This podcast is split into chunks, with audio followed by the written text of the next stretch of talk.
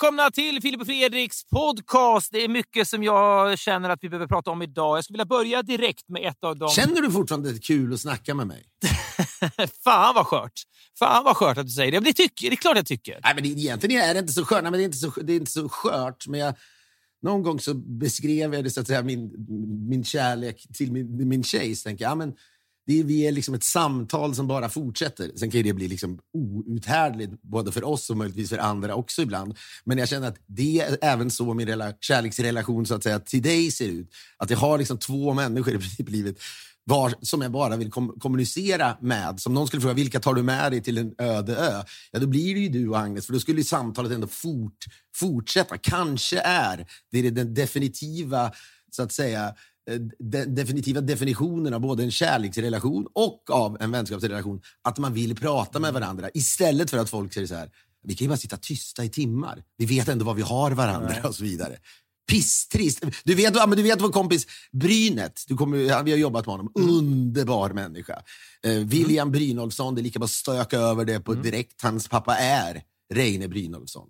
En av Sveriges genom tiderna bästa skådespelare, om du frågar mig. Men han berättar att de åker på sina resor. Vet du vad, jag, jag, det slår mig nu när du säger det. Att att det är synd ibland att om du säger du vet vår kompis Brynet.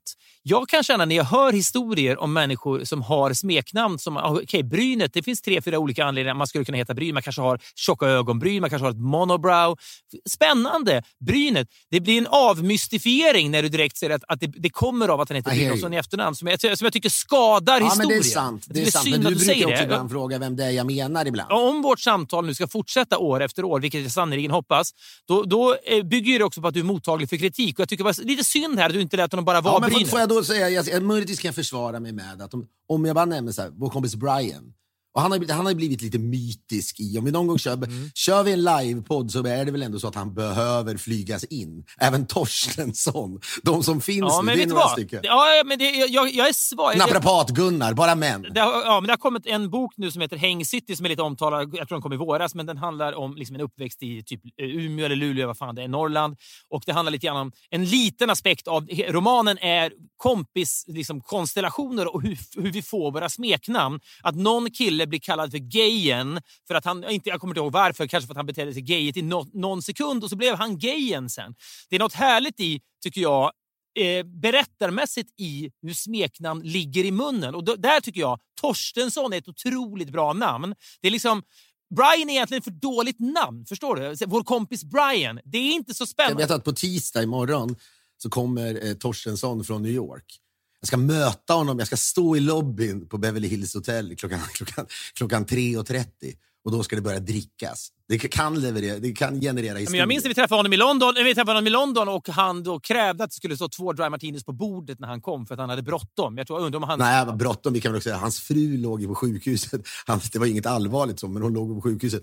Men så stack han därifrån en, breather, en stund ja. för att dricka Ja, och då ville han att det skulle gå undan. Det var ju då när du gick på toa som han sa, tänk om han går och hänger sig nu. Så vi säger mycket om hans morbida syn på livet. Och när han gick tillbaka till sjukhuset så visste nog inte hans fru att han hade tagit 19 Nej. så att säga, dry martinis. Nej. Kan hända att han ett tuggummi också. Men jag menar, så här, Torstensson är bra namn, Brian är egentligen för dåligt namn, Brynet bra namn och så finns ja men Naprapat-Gunnar det är väl okej okay, för det är en del av prefix-Sverige. Är det lite för deskriptivt? Ja, det, det, är, det, är inte, det, är inte, det är inte så spännande, men det finns en tydlighet där som kanske hans personlighet tarvar. Jag, aldrig, jag kommer aldrig någonsin, jag kommer inte garva en sekund åt Naprapat-Gunnars namn eller Naprapat-Gunnar överlag. Pappa har ju varit lite risig, min pappa, och liksom, framförallt ah, fysiskt också, men mentalt. Lite uppgiven sådär. Han, nu med, alltså, den människan, för då kontaktade du naprapat-Gunnar, vänligt nog naprapat-Gunnar då, som befinner sig i Stockholm, åker alltså till Köping då ja, och börjar jobba med min farsa. Och jag säger det, min naprapat-Gunnar är liksom pappas liksom, stora kärlek i livet, börjar jag tänka ja. mig nu. Det finns, alltså, finns alldeles för få som honom. Och jag har ju ännu, jag har liksom inte träffat naprapat-Gunnar ännu. Och jag börjar känna, jag Nej. borde kanske inte ens träffa naprapat-Gunnar. Förstår du vad jag menar? Låt honom vara. Jag förstår verkligen. Ja, men Brynäs, jag ska säga dock i fallet Brynäs, Brynäs så finns det möjligen en, en rimlig förklaring till varför jag, jag säger just detta. För att Brynet då, och jag säger det igen därför, eh, eh Reine Brynolfsson, hans pappa, som ju har mm. någonting extremt mörkt över sig. Det måste man säga. Och, och då kan man diskutera... I sin uppsyn, ja, ja, verkligen. Men man kan också säga, är det, liksom, är det, det är väl en, delvis en produkt av vissa av rollerna han har spelat. Man har inte sett alla, men man såg trailern till den här filmen med Jens Assur så var det ju inte direkt en Stefan och Krister-komedi i Falkenberg. Så att säga. Nej, Utan det, var ju... det var väl en bonde som blir pank och skjuter nattsvart. sig. Typ. Ja, men det, nattsvart. Det var nattsvart. Jag, jag tror att René Brynolfsson har liksom graviterat mot det nattsvarta hela sin karriär. Jag tror ett av, han, ett av hans stora genombrott var när han spelade en av huvudrollerna i Lars Noréns pjäs Natten är dagens Just mor. ja. Och redan där, på titeln och på pjäsförfattaren och regissören Lars Norén förstår man att det inte är ljust heller. Eh, det var som Sigge Eklund är ju besatt av eh, Lars Norén och av den pjäsen. Jag, har, jag ska säga att jag har sett Mm. väldigt lite av Norén. Har jag sett något? Frågetecken. Ja, men det är, när folk säger det är en hel skatt på Öppet arkiv, alla hans pjäser ligger där. Man, man orkar inte mer än tre minuter. Det ser för gam- det, går, det går inte. Men Sigge har väl slukat allt, tror jag. Hoppas jag, Ja. med tanke på hans stora eh, liksom, idolisering av honom. Men det var roligt när Sigge, man gillar ju alltid när folk bränner pengar. Det har ju du sagt också. När man, så här, och då Ja. började han skicka, när det låg ute på eh, Bukowski så var det väl delar av hans dödsbo som sändes. Och Såldes, då skrev Sigge någonting, ska jag buda på det här? Någonting? Och jag bara, buda så jävla, du kommer aldrig ångra hur mycket pengar du än lägger på det här. Man vill ändå att han ska liksom lägga då två miljoner på du vet, en t-shirt och en, du vet, en, ett skrivbord eller vad det var. Jag tror han vann lite grejer också. Och han fick nog någonting av familjen också, tror jag. Men Det, det, det ligger en, en, en, en stor del i bygget av aktioner som liksom fenomen är ju just att du säger han vann faktiskt ett par. Att, det, att man använder verbet att vinna när man betalar mest. Så är på ett sätt förlorar man förlorar ju jättemycket pengar, Ja. men, men liksom jargongen blir språket och en del av storytellingen när det gäller aktioner är jag vann! Nej, du köpte något dyrt var med, beredd att betala mer än någon annan. Därför inom citattecken vann du. Det är därför aktionen fortfarande finns. För att vi reagerar så på aktioner att vi säger att folk vinner. Vilket ju är, egentligen är galenskap. Jag ska, jag ska, jag ska träffa, idag ska jag träffa en, en konstnär från Ghana. Eh, pa, Pajo heter han, eller det är sonen till Pajo. Eh, och det han gör... Vänta nu.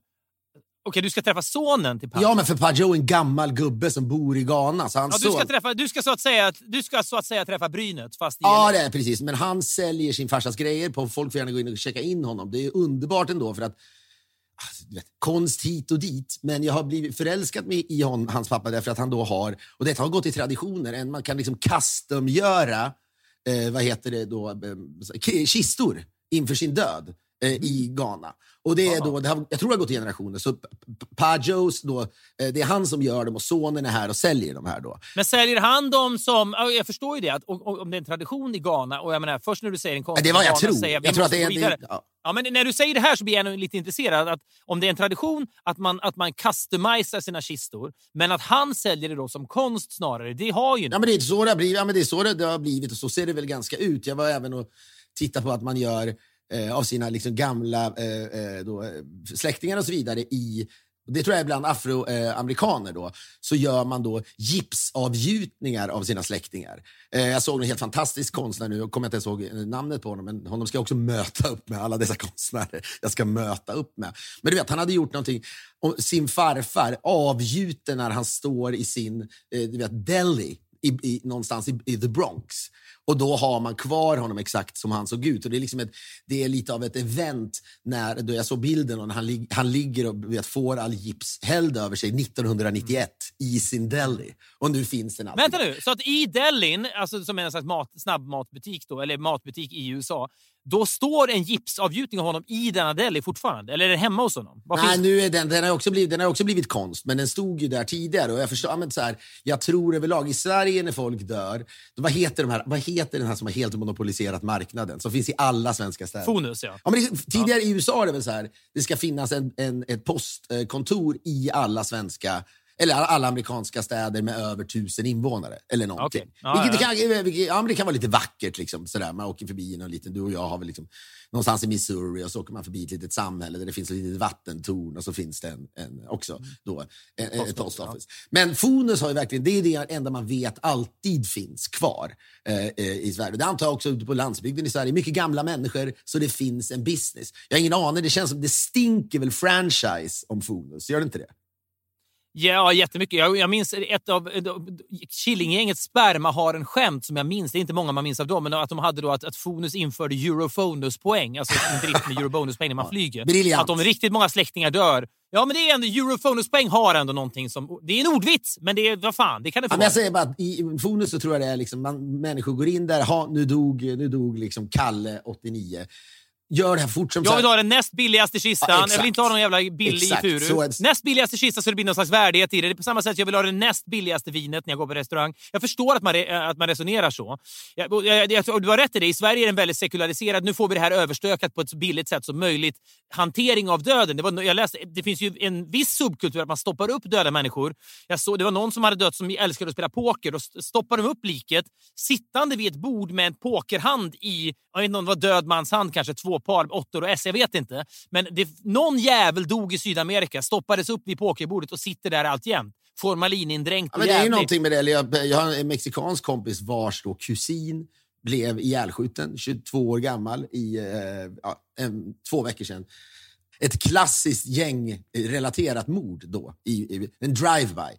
Mm. Och då så var min kompis här och sa, ah, men, eh, jag måste dra nu, för nu ska jag då hem till eh, då, eh, kusinens föräldrar som är jättetajt med. Och där ligger då han också, det är inte, då är han inte formalinuppstoppad, men lider parad bara i vardagsrummet. Och så kommer alla släktingar dit i typ tre dagar. Är det Lider Parad vi, är det Lundell-låten Lider Parad vi slutar med? Kanske i det här avsnittet. Det vore ändå Ja, lite mysigt. du var alltid Fullast fullast, på krogarna. på krogarna. Sjunger om sig själv. Ja. Vi har pratat en del om att ja, jag ångrar att vi har sjungit så mycket i, i vår karriär i på Ja, det är någonting ja. jag inte liksom, Nej. det skulle jag vilja att det, det skulle vilja att det liksom på något sätt gömdes undan någon slags Ja, Mao på samma sätt som att Trotskij, Trotskij liksom raderades som massa foton efter ryska revolutionen. Han han hade ingenting med det här att göra, så att säga. Vi dödade honom med en ishacka, jag tror att det var han i alla fall. Och så tog, togs han bort i någon slags primitiv Photoshop-version 1917 och framåt. Han finns inte längre. På samma sätt, många av ens musicerande liksom, framföranden i tv-historien vill man ju liksom Trotskij sudda bort.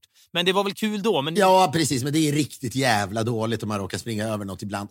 Det kanske var kul då, så är det. Men, men jag vet inte, det var någon slags ungt självförtroende vi hade. Vi, vi, liksom, det var sämre granskning av, det, av vårt, vårt innehåll på den tiden. Och må, må så vara. Men en gång tycker jag det funkar. Och det handlar inte om kvaliteten på sången. Men när vi sjunger Lider parad för eh, eh, Micke Persbrandt då, i eh, programmet Ett herrans liv. Ja. Då biter det fan på ett sätt som jag måste säga, där blev det ett bra, kanske journalistiskt verktyg för att Persbrandt sa någonting utan att säga någonting.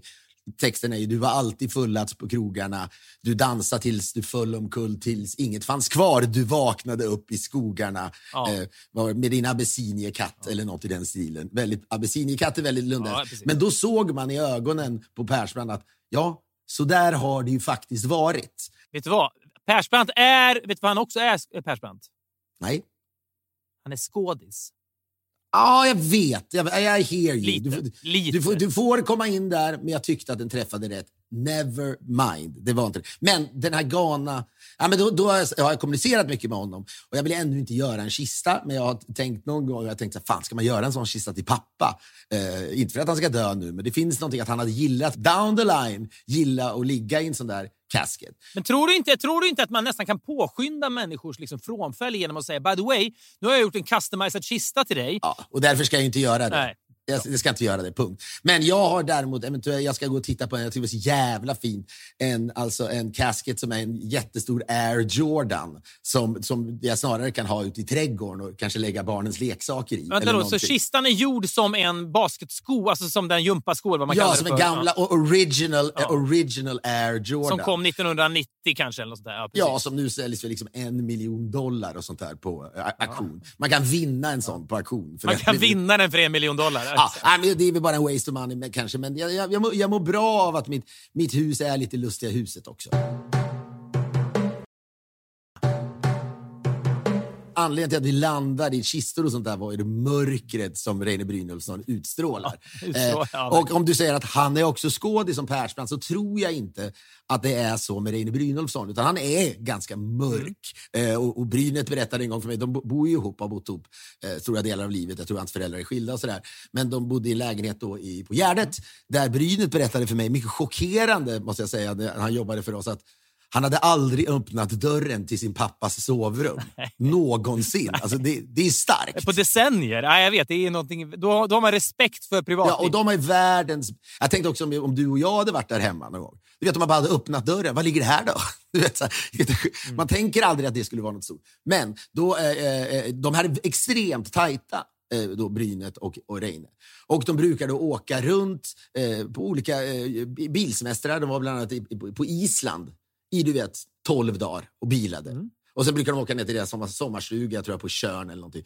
Då berättar Brynet att det ibland kan gå åtta timmar utan att de säger någonting till varandra. Ja, men motsatsen till dig och mig, så att säga. Att sitta tysta med varandra. Snarare. Ja, och jag menar, då är jag så här, det, så det går ju också att ha bra, bra relationer. Är ju så att definitionen är att man fortfarande har ett samtal. Men då kan man säga att samtalet jag orkar inte bli flum, men det är väl ett samtal att inte ha ett samtal också kanske. Är, I guess. Jo, men då skulle det vara det då, nu när det släpps poddar, när alla människor tror att de har någonting att säga. Det har inte alla. Mm. Det är det som gör att man... Nej. Det är, hatar, jag är ledsen att behöva säga det, men det är därför jag hatar formatet. Eftersom folk börjar göra det efter folk tror att de har något att säga. Så har de inte det. Må så vara, men jag tycker inte alla borde ha rätt att ha en podd. Jag tycker att man borde gå igenom något test. Det borde vara som att ta körkort. Kanske. Ja, ja. ja, nej, tyvärr, det funkar inte. Du kuggade igen. Det håller inte. Nej, du måste hitta något. Varför kuggar jag för? Jo, vet du vad? Därför att det du trodde hade någonting, det hade ingenting. Men jag tänkte det nu, tänker jag. Det var otroligt coolt om det var. Reine Brynolfsson, jag är ledsen, den kommer inte säljas med Brynet. Reine Brynolfsson släpper podd med sin son.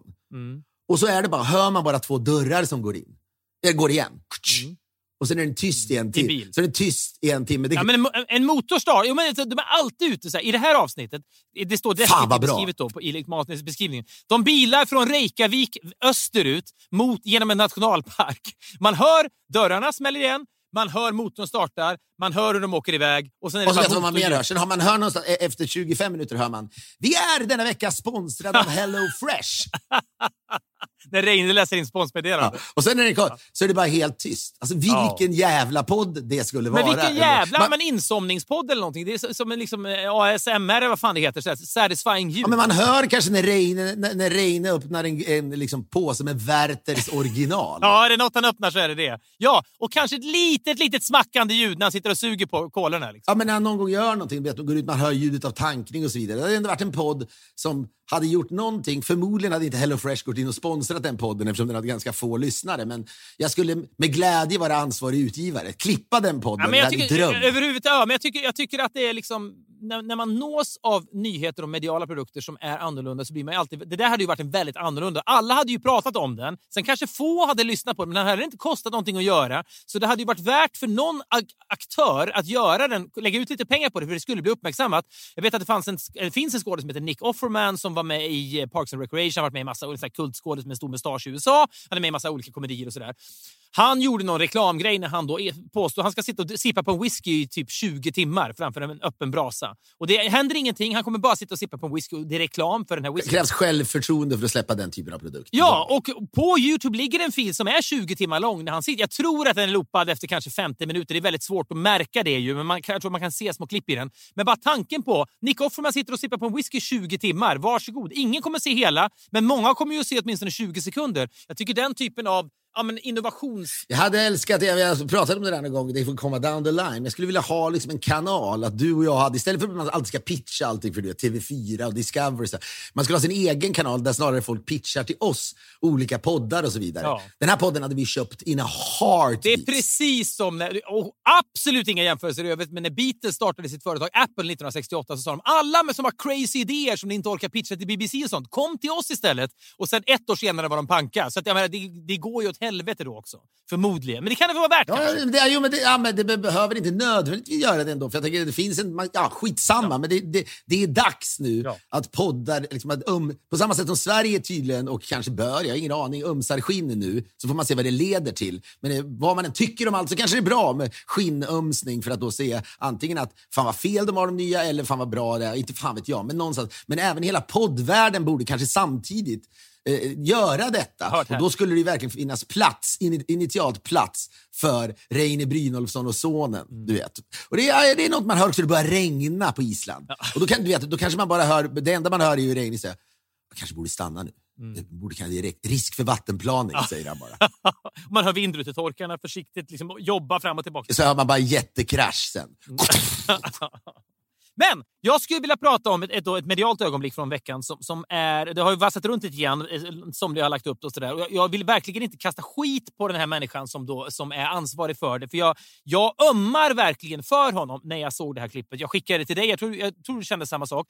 Det är alltså en person som kommenterar Swe Stockholm Open kanske heter i tennis. Och det, är, det, det som man ska veta med de här tennissändningarna, det är långa produktioner. Det är mycket tid som ska fyllas. Det är mycket tv som kallas då att trampa vatten. Att, det vill säga, nu har ni 25 minuter. Fyll det med någonting. Så jag förstår att man då och då ger sig ut på tunn is, man hoppar utan fallskärm. Men trampa vatten-tv, det är ju, vi är ganska duktiga på det, att trampa vatten-tv. Det vill ja. säga man skulle kunna göra det. Problemet är ju, det är det du ska komma till, när man inte riktigt behärskar det. det är, det är ja, inget dåligt det här är en man, det, här, är en man då som, som heter, kommer från Köping. Jag läste på lite grann om honom. Han heter Dusan Umicevic, om jag uttalade det rätt. Mycket osäker på det, men jag tror att han heter det. Och Han eh, kommenterar bland annat hockey och tennis och sådär. Och det gör han säkert bra. Återigen. Många som kommer från Köping. Spare me. Det är väl många som kommer från Västerås också. Gud, ja. Men vet, jag ska bara säga innan du gör det, att jag måste säga det som har blivit, det har vuxit sig starkare med åren. Det är någonting jag vet inte om det är Federer och allting. Jag gjort. Liksom, tennis är så jävla top of mind för folk nu. Och, sen, och i, det, på det sättet är det väl liksom paddel och allt möjligt, pickleball eller vad det heter. Allt det där är stort.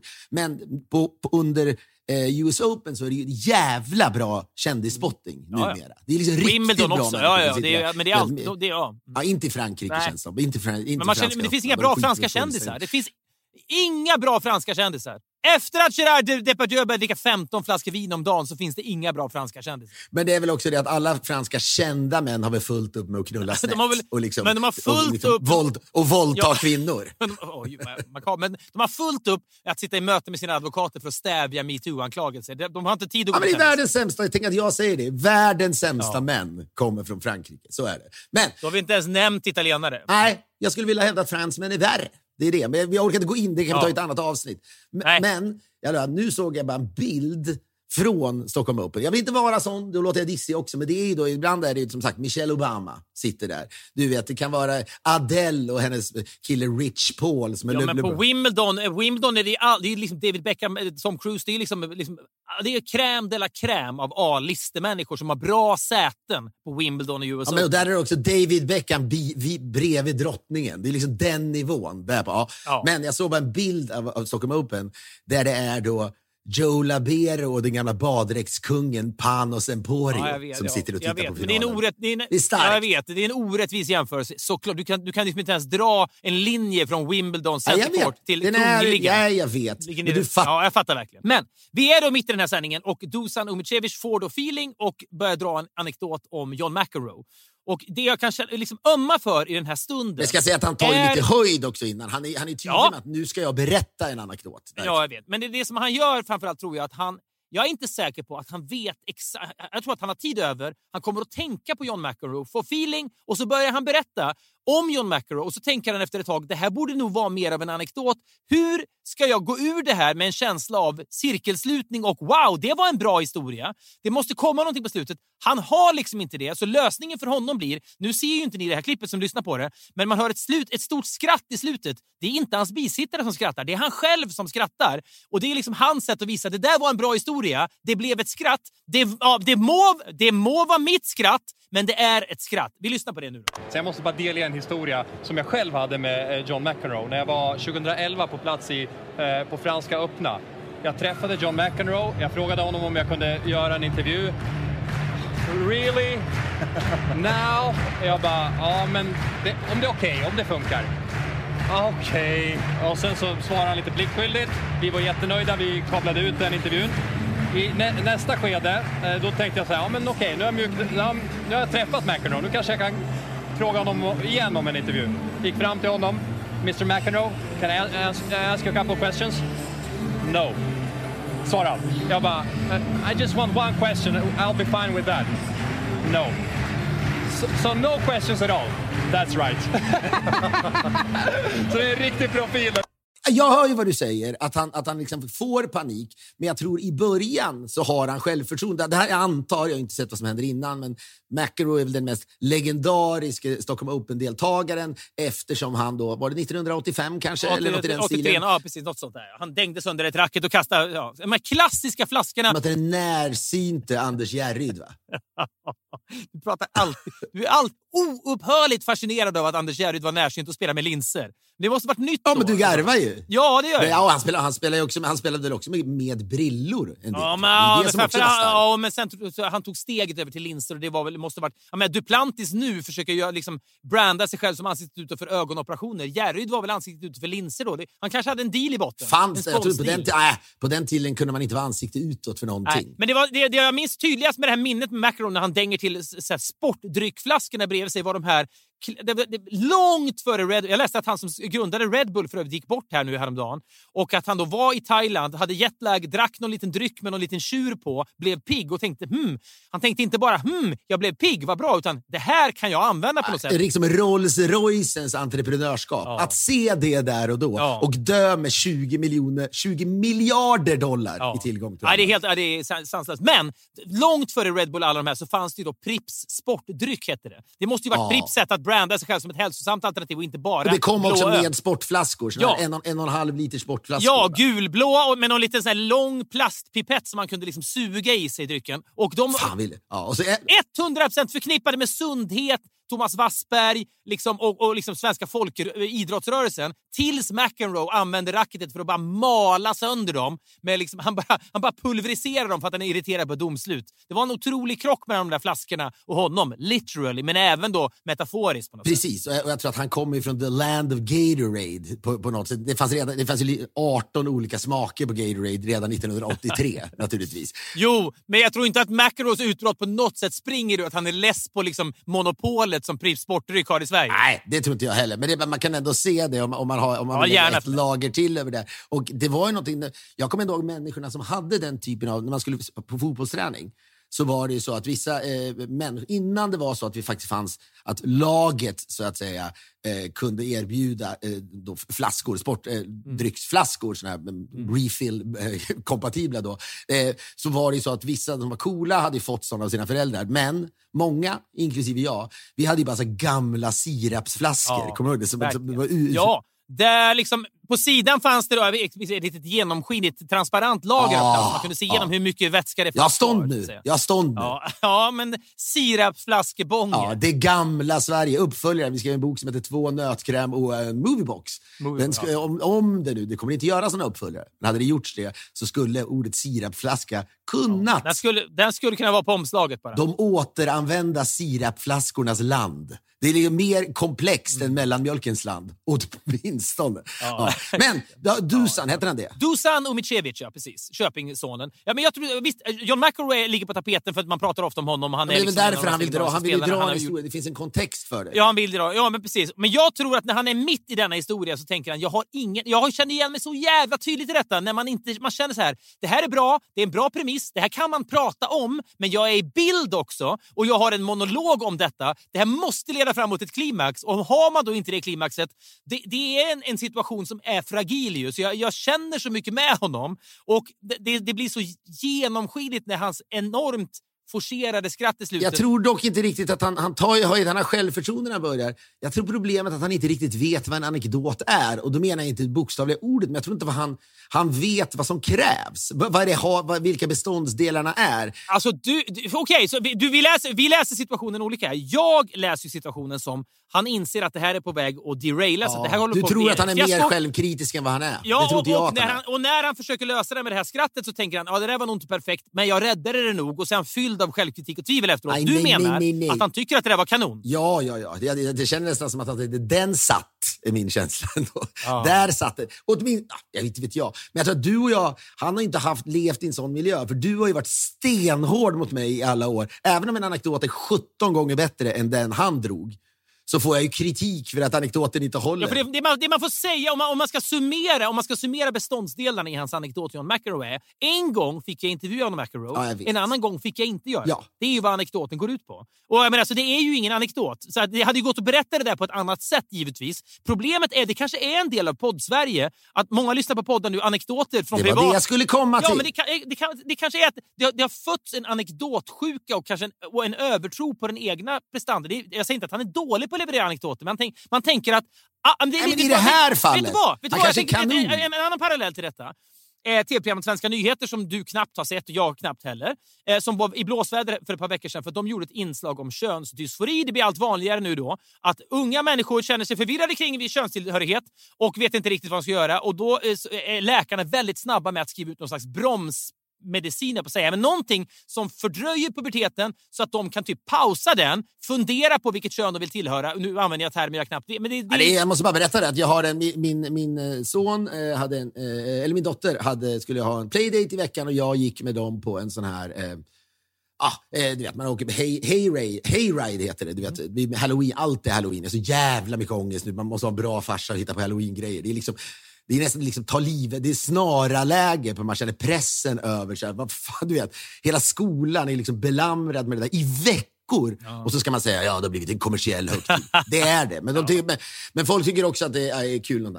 Ja, men då, eh, min dotters då, kompis är eh, en, en, en them, som man säger här. Då. Det är väl, them är väl som hen, typ? eller? Ja, precis. Och då skulle jag skriva en lapp du vet, snabbt som djävulen för jag, sa, jag behöver ha numret. Så att jag skulle skicka, Ilse skulle ge den till sin kompis som är en them. Mm.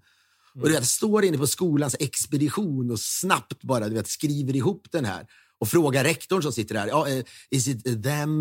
Du vet, och hon bara, Och, du skrivit. och så ser jag ändå sen när lappen, eh, när Ilse kommer tillbaka med lappen, men det var lugnt, hon hade liksom ändå vidarebefordrat, att jag hade skrivit hi i slutet av brevet ändå. Ah, och liksom okay. så jävla ångest att det liksom är helt sinnessjukt. Jo, men då känner jag så här, förstörde jag för min dotter nu?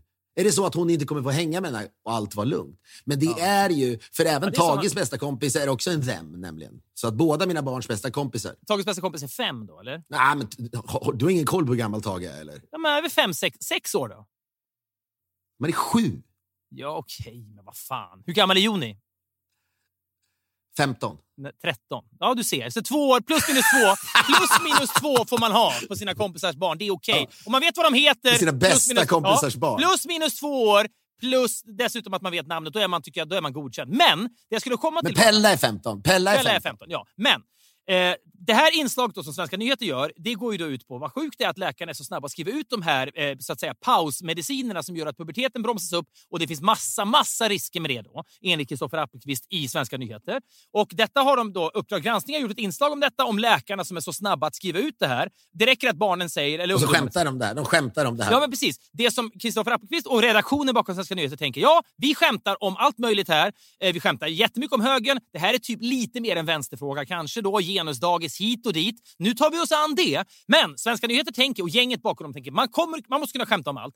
Eh, problemet är bara att när Appelqvist sitter och lägger an då en, liksom en, eh, vad ska man säga, en eh, burdus, bullrig, skämtig ton om det här, då känner... du vet, det, det är typ läkarna som är skurkarna här och det är dem han driver med. Men det är barn som funderar på att ta livet av sig. Det, det känns som att det är dem han garvar åt. Och det, går, det är nästan omöjligt. Vet, det är en omöjlig fight att ta och få det där att funka. Eller kanske om man är ännu mer briljanta än vad de människorna är. Så på så sätt är det här är ett bra Uppdrag Men, men det, poängen, poängen, poängen här är det är ett bra Uppdrag granskning. Det är inte lika bra som ett Svenska nyheter-inslag. Det funkar tyvärr inte riktigt. Man önskar att det skulle kunna vara så. På samma sätt så önskar den här mannen att det här är en anekdot. Det är anekdoten som är det perfekta sättet att distribuera historien om mina möten med John McEnroe. Men det finns ett annat sätt att berätta det som inte går ut på början, mitt och slut, som han försöker göra det här till. Och det är det som är problemet som gör att det där blir lite av ett magplast då, som jag återigen har sympati för. Och woke-världen nu, på många ställen på jorden där det är liksom en högervindar som eh, blåser och där liksom radikal högern som i Sverige då är, eh, eh har, liksom, har en del av sånt mm. som ska bestämmas eh, och lagar som ska stiftas och så vidare.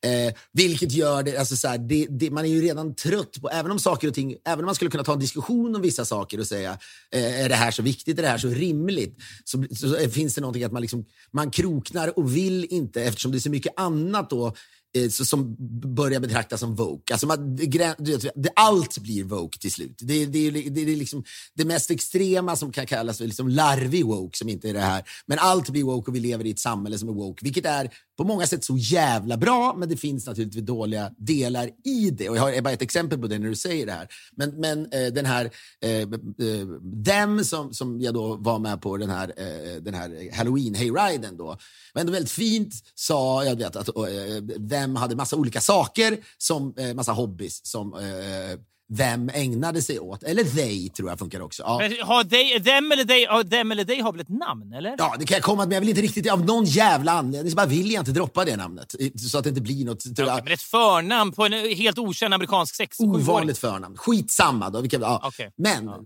they berättar då sen att ja, men jag får se om jag hinner med alla de här hobbysarna och vad det nu kan vara, liksom gymnastik och så vidare. Därför eh, efter sommaren ska jag börja gå till en feel doctor. Och jaha, och då förstår man ju direkt att det är en psykolog antar jag. Men du, du vet, it's, it's a doctor that tries to figure out what I feel in my head. Jag tyckte ändå det var väldigt fint. Du vet, ibland tänker man så här, ja, det där hade inte jag kommit på. Det är, det är inte säkert att det var föräldrarna som hade kommit på det heller. Men någonting i det som gör, när man ska inför barn som har problem och så vidare, förklara att någonting inte är så allvarligt, fast det kanske är allvarligt, så tycker jag man, man, ska, man ska ändå liksom, man ska ge cred till dem. Du menar istället för att skrämma upp barnet genom att säga nu måste du gå till psykolog och det är eventuellt lite stigmatiserat. så ja, eller. Det therapist. ni- Eller något. Det finns ju något negativt. Ja, en helt det. annan ände, ja, men en annan ände av spektrat förstår jag. Men när jag skulle få tandställning så var mina föräldrar oroliga för att jag skulle få ångest för det när jag var liksom åtta år. Att det var, väldigt få hade det. Ska, ska jag bli retad nu?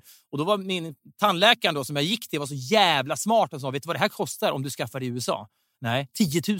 Du kommer att gå omkring med 10 000 kronor i munnen. USA. Ja, men det var så typiskt Sverige på Så du skulle 80-talet. känna tacksamhet. Ja, men du vet så här, när jag kommer till skolan och pekar mot min, min, min jävla räls i munnen. Det här hade kostat 10 000 i USA. Det var ju Ja, jätterespekt men du vet vad det var? Det åttaåringarna. var någon Så- slags bling-bling-tänk. Du vet, så här, att, som att du... så Ja, här, lite så. Jo, men det är också det är ett sätt att, att förvandla någonting som skulle kunna bli lite shaky och lite, kanske lite, lite ångestframkallande till någonting som kanske kan bli en selling Fan, det är intressant. Det är den boken man möjligtvis skulle orka ta sig igenom. Förmodligen inte, men Anna Wahlgren eh, gick hädan, kanske man säger, va? men hon plockade ner skylten nyligen. Känd Mm. för att hon har då, eh, för många saker, hon var väl en författare, men bland annat då, och ganska, eh, nästan mest skrev hon en bok om, om barn, inte kanske uppfostran, men ja, jo, lite barnuppfostran. Jo, det var men bland, Ja, bland annat då, verkligen. klassiskt väl hur man då ska få ett barn att somna och bland annat är det väl liksom så här, stäng dörren och låt barnet skrika till det blir tyst. Ja. Och någonting som alla Ja. föräldrar har så jävla svårt att göra.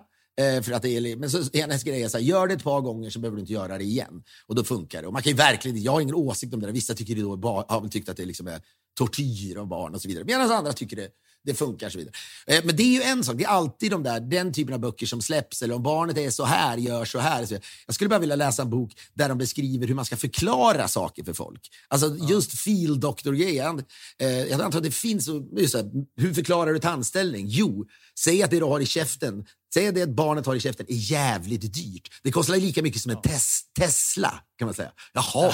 Ja. Eller en iPad. Det är tio iPads. Det är så roligt.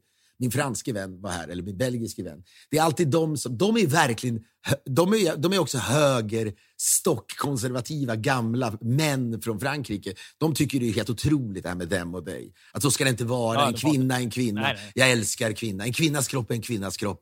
En mans kropp är en mans kropp och så vidare. Eh, men då i alla fall så berättade han att en av skolorna här i LA, jag vet inte vad den heter, men någon av de eh, privatskolorna så var det mer av ett kreativt program Eh, för, eh, för, för sina studenter.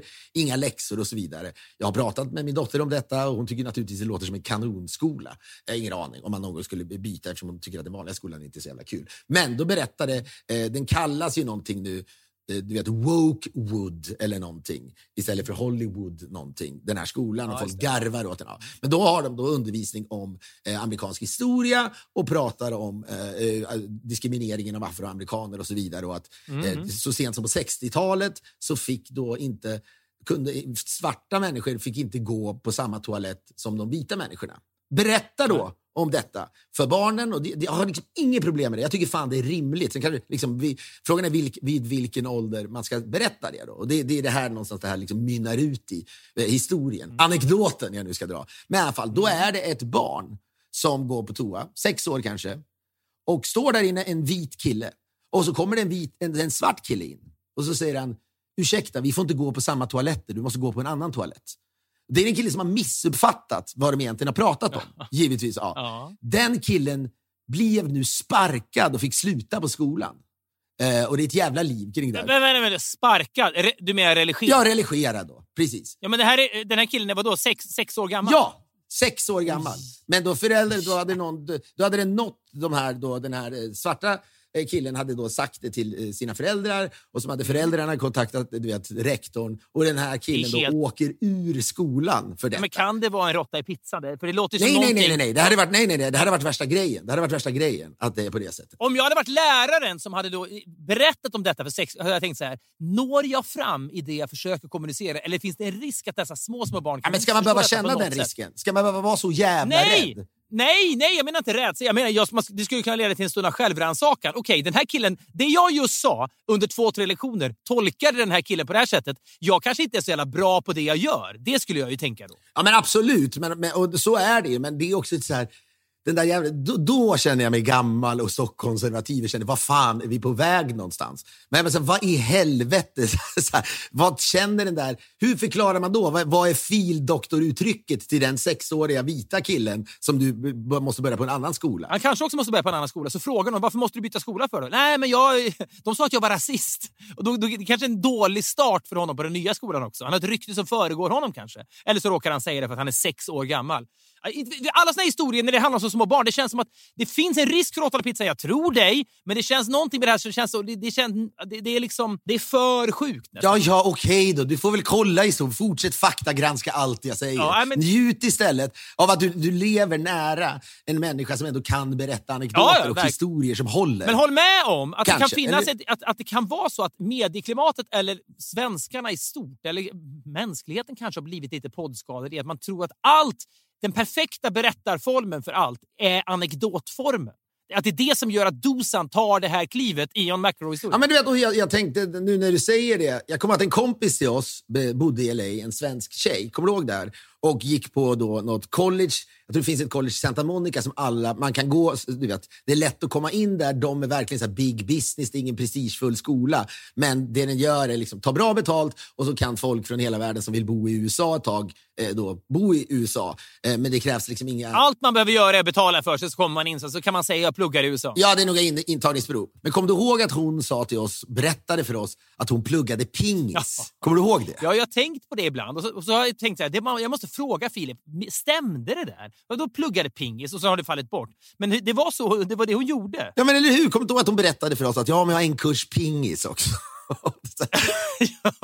ja, jo, oh, ja, men, och det var ja, inte som att det var, det var inte ja. som att åh, det är gymnastik med massa grejer, utan det var då pingis fem poäng. Typ, liksom. Nu har man inte det systemet här. Det är otroligt. Ja. Fan Ja, vad bra. Ja. Men ja, egentligen nu, det som hade kunnat, konsten att berätta en anekdot med tanke på hur klart. mycket, ja men det borde vara en kurs med tanke på alla poddar och då finns det Men jag- något folk som vill säga att Ja. ja. det finns kurser som liknar det här. Ja, Ja, skitsamma. det finns säkert det. Men, men återigen, på samma sätt som man vill paketera en podd med William eh, Brynet och hans, hans farsa Reine bilar genom en nationalpark på Island. Det är en podd, den paketeringen är tydlig och bra och annorlunda uppseendeväckande och loud. Den där skulle jag vilja sätta ner foten. Den turnén skulle jag vilja göra med dig när du och jag åker in. Du, du och jag åker ut i landet inför publik, stor publik, eh, levererar anekdoter så för folk i realtid betygsätta anekdoterna på något sätt. Ja, men en battle, Och anekdot mitt battle. i, de kan också stoppa anekdoten, mitt i anekdoten. Om det är tillräckligt många människor som har tryckt på någon knapp. För det vill säga, krokna, jag hinner inte, Ja. jag säger wokewood om skolan. Där, Ja, men det finns ju ett, gammalt amerikanskt program som heter The Gong Show som har kommit fram och tillbaka massa gånger. Det hade premiär på 60-70-talet tror jag en gång. Och egentligen var det så här, folk kommer in och uppträder. När, folk, när någon jury eller vad det nu är tröttnar, då, då, då slår man på gonggongen. Det räcker. Du höll för 45 sekunder. That's it. Men på så sätt skulle det finnas några mentometerknappar i, i publiken då. Att liksom när 30 procent, critical mass på något sätt tycker att nej, wokewood hit och dit, jag orkar inte, jag, jag, du har tappat mig. Då trycker man på knappen och då kommer det en stor gånggång, liksom klämtning och så, så rycker man. Jag tror också att det skulle alla ståuppkomiker hata. Men det, utöver att det, är värd, att för mycket värdelösa anekdoter berättas, det är, det är ju en sak. Men jag tror också att de roliga anekdoterna, och det är liksom i svallvågen av att dokumentärgenren har blivit så stor, alltså att det är så jävla mycket dokumentärer, Ja. så tror jag att liksom, anekdoter kan vara stor underhållning. Problemet är, det är liksom så här, att man måste rensa på samma sätt som de sämsta ståuppkomikerna rensas bort. Så måste väl tyvärr de sämsta Jag är inte säker på att de gör det Nej, tyvärr. och jag menar, och detta ska inte, vi ska inte med, en- vi kan inte, alltså vi måste ju ge den här killen en chans. Ska han då, vad hette han sa du nu? Dusan Umicevic. Han vet vad vi borde göra, om vi orkar. Vi borde ge honom chansen i nästa veckas podd att berätta en anekdot för oss och visa att han sitter på bra anekdoter, eller hur? Ge honom upprättelse. Ja, an, ja, precis. Antingen förvandla liksom McEnroe-anekdoten. Det går han inte. får en ny chans. Det går inte. Nej, det går väl inte. Då måste han ljuga. Och det, det, Alltså det måste ju ner på spåret. nivån och sen pissade liksom McEnroe ner mig för han var så arg på mig och jag stod Ja, där dyblöt. Nej, men det går det inte. finns någonting, ja, men det är nå- någonting i både liksom om man parallellen då mellan svenska nyheter och könsdysfori, liksom försöket att skämta om det som backfirar för det känns som att man pissar på suicidala barn. Vad man än vill och vad man än har för avsikter så går det inte att ta sig runt. Där vill man tro att humorn kan berätta allt. Det kanske inte, då måste man vara ännu mer briljant. På samma sätt så är anekdoten inte den bästa distributionsformen för all typ av storytelling, men man vill att det ska vara så också. Vet du vad vi skulle kunna göra för tv-serier? Vi kommer aldrig få in den på, på Discovery. Nej. För att Discovery gör Över Atlanten och sånt. Eh, och så, Mm. ja, men där, i sig, det är väl anekdot-tv antar jag. Måns Möller sitter och berättar någonting om något han har varit med om i sitt liv. Ja, har, du, har du sett det? Nej, men det är jättebra kanske. Jag har ingen aning. Nej. Det, det, det känns som man måste vara försiktigare nu när då Discovery Kanal 5 vi jobbar på, just att Discovery, alltså det är Discovery som har köpt Kanal 5. Så nu har vi liksom amerikaner som liksom ägare. Då känns det som att det, man- vi ska inte kritisera över Atlanten. Då känns det som att man kan ryka all världens väg. Framförallt, framförallt så tycker jag att man ska kritisera sånt framför allt man har sett, för det blir för tomt. Ja, okej. Det där är, håller inte. Det där kommer du inte undan med. Nej, men det, man har ju alltid bättre kritik om man vet vad man pratar om. Så enkelt är det. Det här könsdysfori-inslaget såg jag, därför Jo, kan jag jo, prata men man behöver inte se allt. Över Atlanten har jag inte sett. Jag har inte sett Expeditionen på TV4. Men det vi kan konstatera är att Kompani Svan, det saknas inte program. Vi har pratat tidigare liksom om Renés brygga och det är liksom hemma hos Benjamins eller vad det är. Här träffas folk och käkar. Det är en genre och den blir bara större och större. Weekend hos Sias, det är samma sak. Och en annan genre är, här utsätter vi kändisar för liksom dåligt väder. Det är ju den andra genren och där ingår ju Över Atlanten, Expeditionen, Himalaya, hit och dit. Ja, och sen maskerad-tv då, med Masked Singer. Ja, det någonstans. finns också, ja. jag menar, jo, men du har ju heller inte sett vartenda avsnitt av Masked Singer, ändå sågar du det. Så att det, man behöver inte se allt, Nej. sant. naturligtvis. Apropå, det finns ju också då att man inte har en bra eh, anekdot.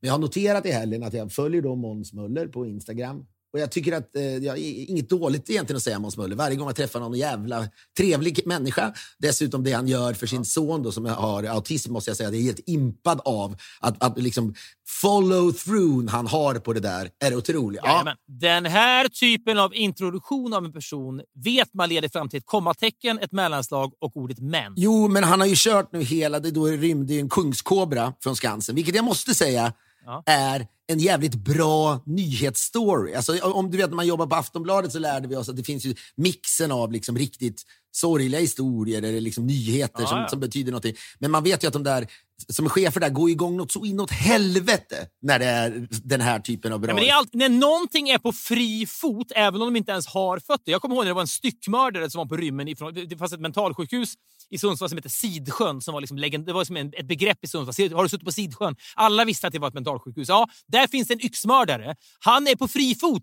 Han kanske till och med har en yxa med sig. Det är någonting med saker som är på fri fot som är och förblir lockande folk. Och den här giftiga ormen, det är klart Ja, men, det är ja, mumma. det. Du har ju berättat tusen gånger för mig när det var någon som rymde från mentalsjukhuset där i Sundsvall. Ja. Du Ja, berättat om. det var ju den personen. Ja. Styckmördaren Anders Karlsson tror han hette. Ja. Men då har Måns Möller hela helgen, han har sett liksom det roliga i det här, tycker han. Så han lag först upp någon, någon bild på Instagram där det står “Sjukt, min kompis fotade den här i Rosendals trädgård nyss. Och han sa att det var en riktig kungskobra, men då sa jag att nu får du skärpa dig. För sådana finns liksom inte att inte lösa på Djurgården i Sverige. Folk är inte kloka.” Den lägger han ut. 107 kommentarer. Ha, ha, ha. Sen så märker jag att det där flyger, så lägger han ut och senare en passbild där han har liksom photoshopat in en kungskobra, om man nu använder ordet photoshop längre. Och bara så, idag, och då står det bara, idag var jag och tog passfoto på Skansen. ja, jag fattar. Det är svårt, det är svårt att, det är svårt att omfamna Ja, det. Det är, jo, ju, men det. det är, ja, men det är, man, Det är ju man- inte bra. Ja, det, nej, nej, men det är, man behöver... Det, det är ju som du brukar säga, vet du vad det är? Det är faktiskt som du brukar säga, det är ju bedrövligt. jo, tyvärr. men jag, det är ju det. jag tycker det är någonting med... Det är någonting med den här liksom stunden när man sitter och ler för sig själv, får en förflugen tanke, fram med tummarna och telefonen och så får man iväg Jo, någonting. men när den ska fortsätta en hel helg med flera Jag inlägg, det är vet, men det. Jag, jag skrattade högt åt att det finns en fotbollsspelare i Sundsvall. Det här visste jag inte ens om då. Jag, jag kommer ju från Sundsvall, det är inte så att jag hejar på GIF Sundsvall. Men, men jag, liksom, jag, jag följer dem med visst intresse. Då. Nu, nu, har, nu är det då klart. De har åkt upp i allsvenskan, eller de blev promotade till allsvenskan nu är det redan klart innan säsongen är över. De åker ur så det sjunger om det. En skitsäsong då. Då finns det en spelare, en amerikan som de då har värvat då, av någon anledning som heter Forrest Lasso. Aldrig hört talas om honom. Snygg jävel förstås, ser väldigt amerikansk ut. Då är det tydligen så, apropå Instagram bara, att när det då är klart att Giffarna efter någon förlust eh, med vad det nu vilka de möter. De, efter det här är det obönhörligt så. De kan inte komma ikapp, komma över strecket. De är ute ur allsvenskan. Tio minuter efter det lägger Forrest Lasso ut på sitt Instagram ett best of från sin egen säsong. Som ett sätt att säga jag skötte mig Jag hade en kanonsäsong. Alltså, han sitter i omklädningsrummet. Jo, ja. ja. och nu är han då avstängd för de andra spelarna blir så vansinniga på detta. Men jag menar, det är ju inte, men jag menar, det är ju, och varför det är kul, det är ju inte när Måns Möller lägger ut Nej, att, men jag, jag, jag menar bara, jag, jag, den lilla, lilla, lilla räta linjen mellan dessa två då tilltag är att jag är lite benägen att förlåta människor på Instagram för att feelingen man får där är svårstoppbar. På samma sätt som att jag hamnar i onödiga Twitterbråk ibland för kliet inträder. Kliet inträder hos Forrest Lasso. Du är the good tänker, guy. Han behöver, han behöver liksom, åtminstone positionera sig. Han kan inte låta bli det kliet.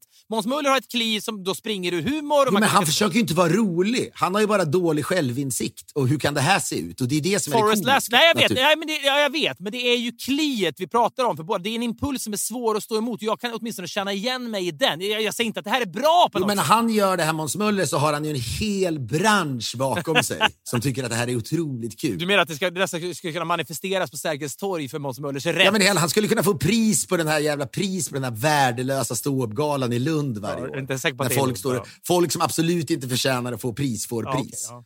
Då hade det här kunnat vara något så här. Årets följetong, det är alltså Måns Möller och Kungskobran. Aj, Alltså, jag, jag vet inte vad jag ska säga om det där, men det, men det är som det är. Men en kungskobra som rymmer, det är... Om, jag skulle, du vet, om man nu skulle undervisa, det kommer aldrig ske, men du har väl undervisat på något sätt? Äh, det har du inte i kvällstidningsjournalistik. Du har väl undervisat i någon slags, hur man, vad fan var det, kommunikation baserat på det du kan. Under ett dygns tid som medietränade jag VJs på MTV i London. Jag flögs in till London, undervisade dem i två timmar. Mitt enda råd var ljug och överdriv mycket så det blir spännande. Och Sen fick jag en lunch som bestod av sushi som var en av de första gångerna jag åt det och sen flögs jag hem till Sverige igen. Så det är min enda insats. Men då skulle jag ändå eh, vilja påstå att det där är liksom en perfekt kvällstidningshistoria. Det blir... Ja, det var i och för sig han som bets av en krokodil. du, man- man- han som bets ska- av en krokodil. Jo, men det var en Ja, bra story. Men båda, båda är Skansen. Man ska inte utesluta att det här bara är spinn. Alltså, det är kanonreklam för Skansen. Är det? Jag svär. Det är det ju inte. Ja. Alltså så här, jo, man kan låtsas att man är rädd för den här ormen och att man tänker åh gud vad ska hända. Men det finns... Wahlström kan väl inte öppna akvariet förrän man hittar Nej, men det, de kan pausa så kommer ju liksom... Förlorar ju miljoner varje dag. Nej, det är, det är väl lågsäsong nu så det sjunger om det dessutom. Så att det, det, man kan få så här, hade den rymt under högsäsong? Nej. De, den rymmer nu för att det är en lall i besökande. De kan kosta på sig att stänga ner ett par veckor, väcka massa uppmärksamhet, få massa PR och öka efterfrågan. Så när, när, nu har vi hittat ormen, den är tillbaka i buren. Kom och se den! Vi har ett erbjudande, ta med dina föräldrar så får du 25 whatever. Det där kommer att, det där kommer att gynna Så Skansen. kanske det. Men det är i alla fall, det man ser de där historierna som är så här, det där, för han som blev biten av en krokodil då, eh, under någon så gubbfest på Skansen.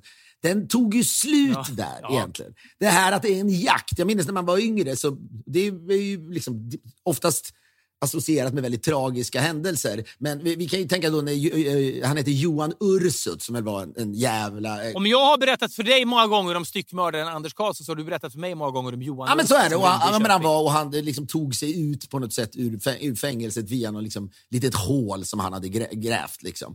Och så hittades han på eh, en mack i Arboga när han köpte köttbullar sen. Men de här, man kommer ihåg så jävulst Fan vad deppigt. Han, tog liksom, han gick inte in på Teatergrillen eller Frippes och tog en starkölslunch. Det var liksom köttbullar och En rödbetssallad. tryffelpizza på Brillo. Nej, men han bara, det kunde han väl inte göra. Men, Johan Urso togs precis när tryffelpizzan bars in av Anders, en, liksom en visslande Anders Timell. ja, men, men, jag, kommer ihåg ändå dagarna då de här jagades. Och det var väl även Stureplansmorden och sådär. Det var så jävla spännande. Och, det, och Ja. Men det var så allvarligt. Det här är en annan typ av sto- historia då. Eh, som är ändå mer kvällstidning i sitt DNA. Att jaga en kungskobra på Djurgården. Drömmen är väl nu för folk att den hittas i, du vet, det är väl Bonnier som äger varenda jävla villa där ute. Ja. Eller du vet, den här Manillaskolan, Sveriges mest exklusiva privatskola. Ja, kungabarn och sånt där går där, ja precis. Men det är drömmen är ju att kungskobran hittas där. På Sveriges mest... Bara, Kungabarn, vet Estelle eller vad de heter. bara fem meter från, från klassrummet där ett av kungabarnen går. Det är liksom slutet på den här historien. Ja, nej, eller nå- något litet uppehållsrum där de små, små barnen ligger och vilar, sover liksom middag och tar liksom en nap. Där slingrar sig kobran in mellan Då kungavapnen. går man i mål. Det är en perfekt eh, målgång för den typen Det är en historia inte ens Dusan kan slarva Så bort. är det. Och med de orden så måste jag klappa ihop här. Precis som förra veckan. Det är, jag måste köra barn till skolan. Vare sig du vill eller inte. Men jag tycker vi har haft en trevlig stund. Och Nej. jag tycker att Dusan ska, jag tycker att Dusan ska berätta en bra... Vi ska ge, om man nu ska kritisera honom, även om, eller kritisera honom, du är ju också väldigt förstående i det här. Väldigt, jag är väldigt förstående förlåtande kring det, för jag, jag har varit där själv. Så jag, jag vill inte kasta skit Jag vet inte om Dusan vill detta, men jag hoppas att han skulle då... Han berättar en anekdot för oss i podden. sitt långa vi liv. kan vi knappast ha hört den innan. Men vill han detta så finns det här forumet för honom där han berättar en anekdot. Om Dosan lyssnar eller någon som känner honom eh, vill då på något sätt sätta det här samman och att vi nästa vecka kan få en, en, en fem plus anekdot av honom, hör av er till podcast.poddff.com. Ni kan höra av er om vad ni vill. Den stora frågan är nu, slutar vi med live-versionen från Johanneshov i stadion nyårskonserten 85? Eller, eller märkliga året 1985. det mycket märkliga året 85. Som, ja, precis. Jag tycker det är det vi gör. Det är den vi slutar med. Det vi älskar att Ta hand om er. Varje vecka. Ta hand om er. Vi hörs igen om en vecka. Puss! Mycket märkliga året 85.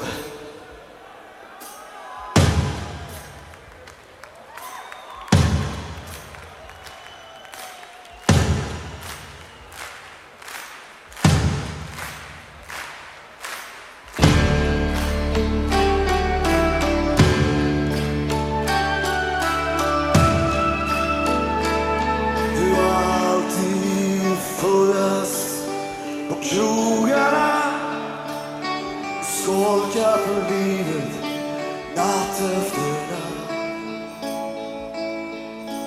Vakna upp och längtar ut till skogarna. Och ditt drömda hus och din apelsinkatt Med pengar på fickan var du oslagbar. Du dansade tills du föll omkull tills inget fanns kvar.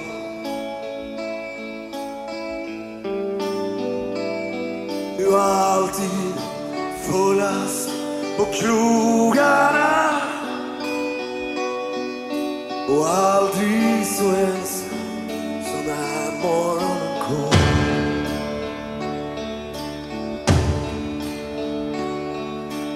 Sjöng om passionen och lömskade månen. Men vill du skrämma natt efter natt? Du gick till din älskling med blåa anemoner Du visste aldrig hur du skulle ta hennes skratt För dig fanns aldrig något mellanting. Dina läppar lika spända som din vigselring.